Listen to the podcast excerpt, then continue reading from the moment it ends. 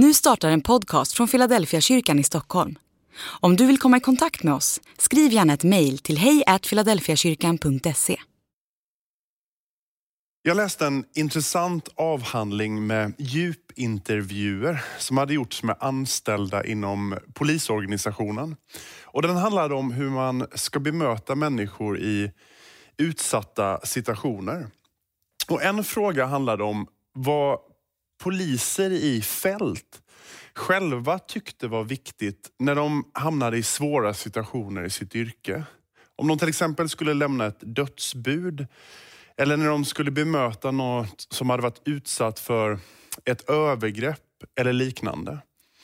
Och Då var det flera poliser som sa i de här intervjuerna att det de ville förmedla till ett brottsoffer, det var, det är inte ditt fel. Det kan ju tyckas självklart, men varför var det så viktigt? Jo, för man vet att det är ofta brottsoffret som blir kvar med en känsla av skam efter att något har hänt. Även om de inte har gjort något fel.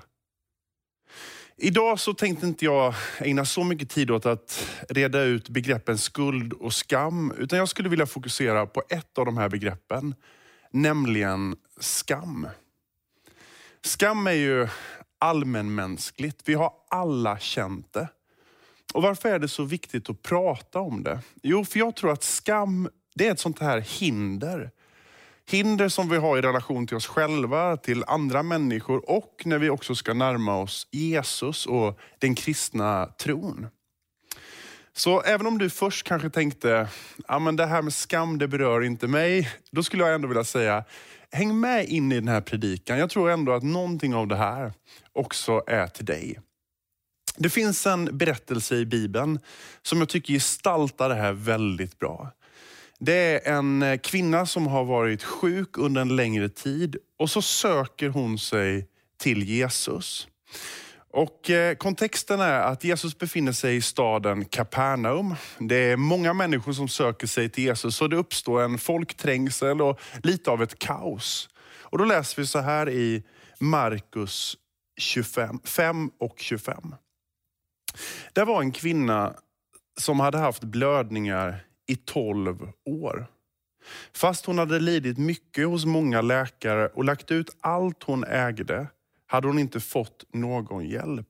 Det hade bara blivit sämre med henne. Bakgrunden här är ju att man i judisk kultur betraktas som oren som kvinna den tiden i månaden när man blöder. Och Den judiska lagen sa att då skulle man hålla avstånd till andra människor. Men om det här då gällde kvinnor en gång i månaden, så för den här specifika kvinnan så hade det här varit ett regelbundet tillstånd under de senaste 12 åren i hennes liv. Och Det är svårt att föreställa sig hennes situation. Det första jag tänker på det är ju bara hennes hälsotillstånd. Alltså kraftiga blödningar under 12 års tid, det måste ju bara dränera på kraft och leda till orkeslöshet. Och Det andra är ju isoleringen.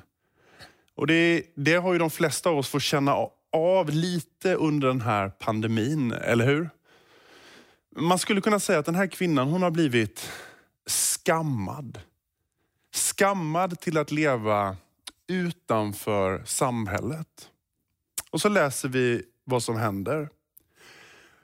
Hon hade hört talas om Jesus och nu kom hon bakifrån i folkmassan och rörde vid hans mantel.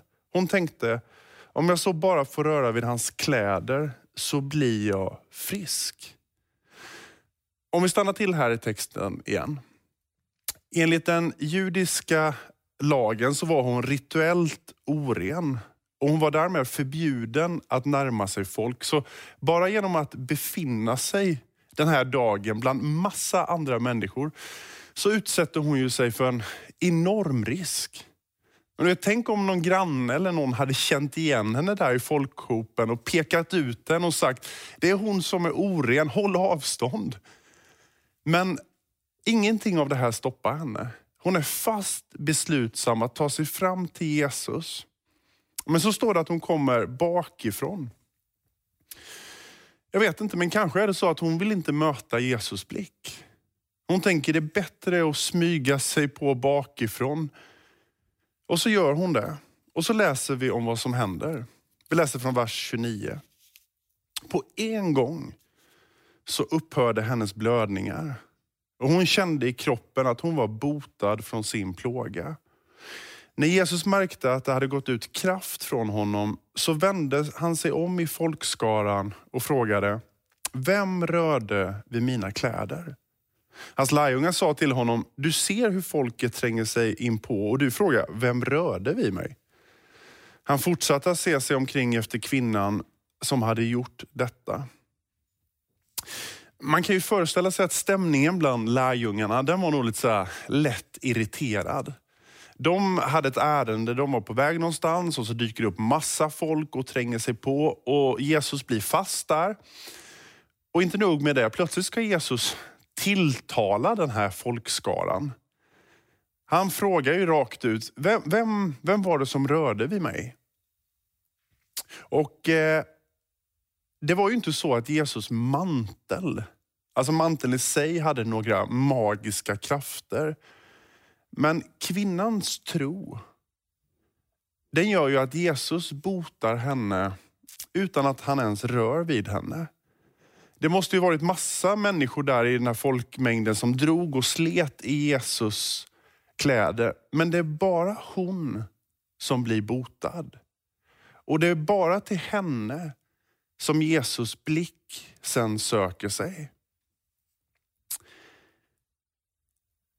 Så läser vi, hon visste vad som hade skett med henne och kom förskräckt och darrande och föll ner för honom och talade om hela sanningen för honom. Kvinnan blir ju först jätterädd när Jesus talar till henne. Och sen i nästa ögonblick så talar hon om hela sanningen för honom. Har du någon gång berättat hela sanningen om ditt liv för någon? Jag kan räkna de gångerna jag har gjort det. Du kanske aldrig har gjort det. Alltså det finns ju så mycket i våra liv som vi vill skuffa undan, som vi skäms över.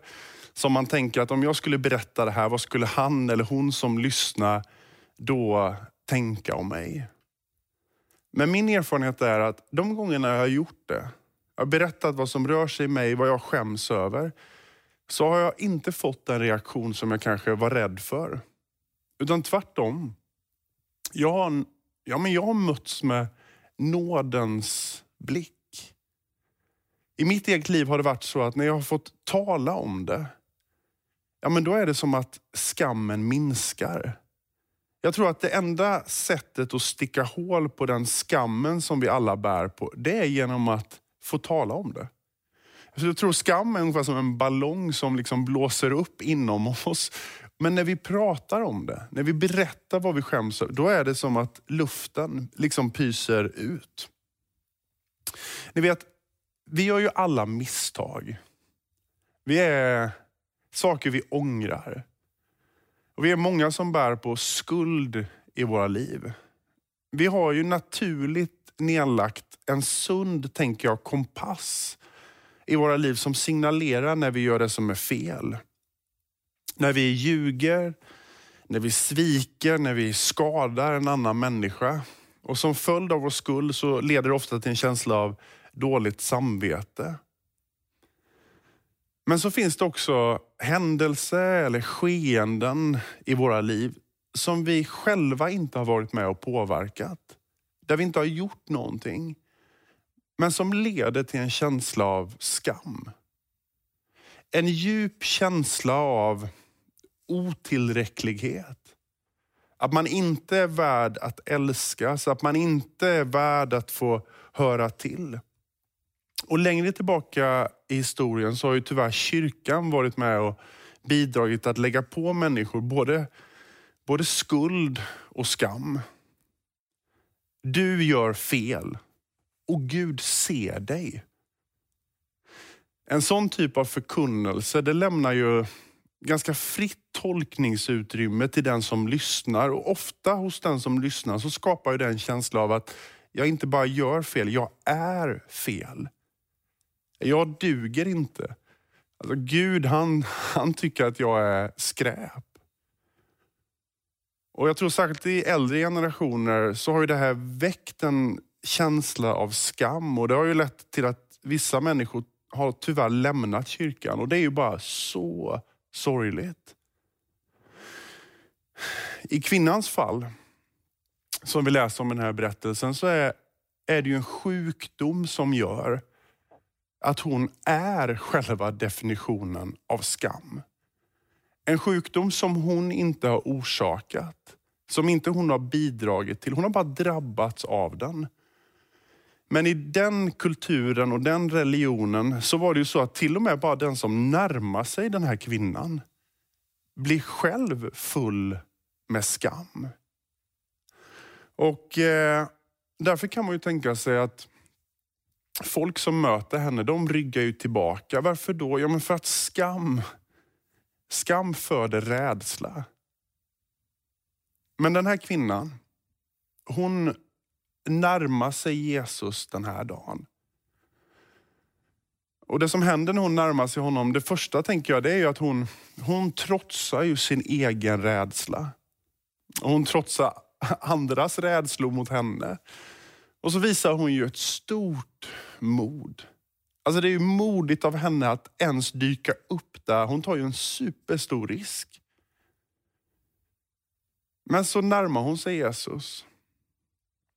Hon inser sin egen otillräcklighet och i ren desperation så söker hon sig till honom som hon tänker är den enda som kan hjälpa henne. Och så sker det ett mirakel. Kraft utgår från Jesus och hon blir fri från sin fysiska sjukdom. Men så sker ju ett mirakel till. Jag tänker att hon blir helad i sin själ. Och hur går det helandet till då? Ja, men det första som händer, det är att hon blir sedd. Av alla där, av alla människor den här dagen, med alla olika problem som de bär på och kommer med till Jesus, så är det just till henne som kraft utgår från Jesus. Det är just henne som Jesus frågar efter. Det är just henne som Jesus blick söker. Han ser henne. Hon som under de senaste tolv åren har blivit sedd på, av sin omgivning med avsky och avståndstagande. Hon som säkert har dragit sig undan från andras blickar. Jesus ser henne. Det är det första som händer. Det andra som händer det är att hon berättar hela sanningen för honom. Och det, här, det här tror jag är ett helt avgörande steg. För ju mindre man talar om något som är känsligt för en, desto mer växer ju bara skammen. Alltså, om du har någonting som du inte vill berätta för någon. Om du har någonting långt där nere som ingen vet om. Ja, då ska jag säga att då är det du bär på, det är skam. Och Jesus vet ju det här. Det är ju därför han söker efter kvinnan och det är ju därför som kvinnan faktiskt berättar allt för honom, även om det säkert är så svårt för henne. För hon vet, det är enda sättet för mig att bli fri. Jag jobbade en gång med en, en helt fantastisk kvinna. Hon hade ett outtröttligt engagemang för människor som levde på, ja, men på livets skuggsida. Hon slogs med eh, näbbar och klor för att få in folk på avgiftning och hon kämpade mot Migrationsverket och hon stred mot myndigheter som skulle skulle ta hyreskontrakten från barnfamiljer och vräka dem. Och vid ett tillfälle så frågade jag henne, kan du inte bara säga, vad är det som driver dig Kerstin? Och så berättade hon att hon hade levt stora delar av sitt liv i skam. Som en följd av en svår relation. Och så en dag hade hon klivit in i Klara kyrka här i Stockholm. Och så hade hon bett en bön till Jesus och sagt precis som det var. Och så berättade hon för mig att när hon satt där i kyrkbänken så var det som att Jesus själv kom till henne. Och precis där och precis då så var det som att all hennes ångest och all hennes skam, den liksom rann av henne. Och så blev hon fri. Och så berättar hon att den här händelsen där i kyrkan, det var, det var över 30 år sedan. Och så berättar hon att sedan dess så har jag hjälpt den lilla människan. Eftersom jag själv en gång var en människa som behövde hjälp. Det sista som Jesus säger till den här kvinnan i texten, det är min dotter, din tro har frälst dig. Gå i frid och var frisk och fri från din plåga. Min dotter. Det här är faktiskt första och enda gången i Nya Testamentet som Jesus tilltalar någon så. Till den lame mannen så säger han ju mitt barn och han kallar lärjungarna vid något tillfälle för mina barn. Men här säger han min dotter. Och det är så mycket kärlek i det begreppet. Min dotter. Det betyder ju att den här kvinnan hon är känd av Jesus. Min dotter. Det betyder ju att hon är älskad av honom. Hon som säkert så många gånger under de här åren har tänkt, varför har just jag drabbats av det här? Undrat om Gud älskar henne. Här får hon ett svar. Min dotter. Det betyder ju att hon tillhör Jesus. Hon som har varit ensam, isolerad och utanför. Jesus vet allt det här. Och Jesus förstår att hon behöver inte bara ett helande från en blödande kropp, utan hon behöver ett helande för sitt, för sitt blödande hjärta. Och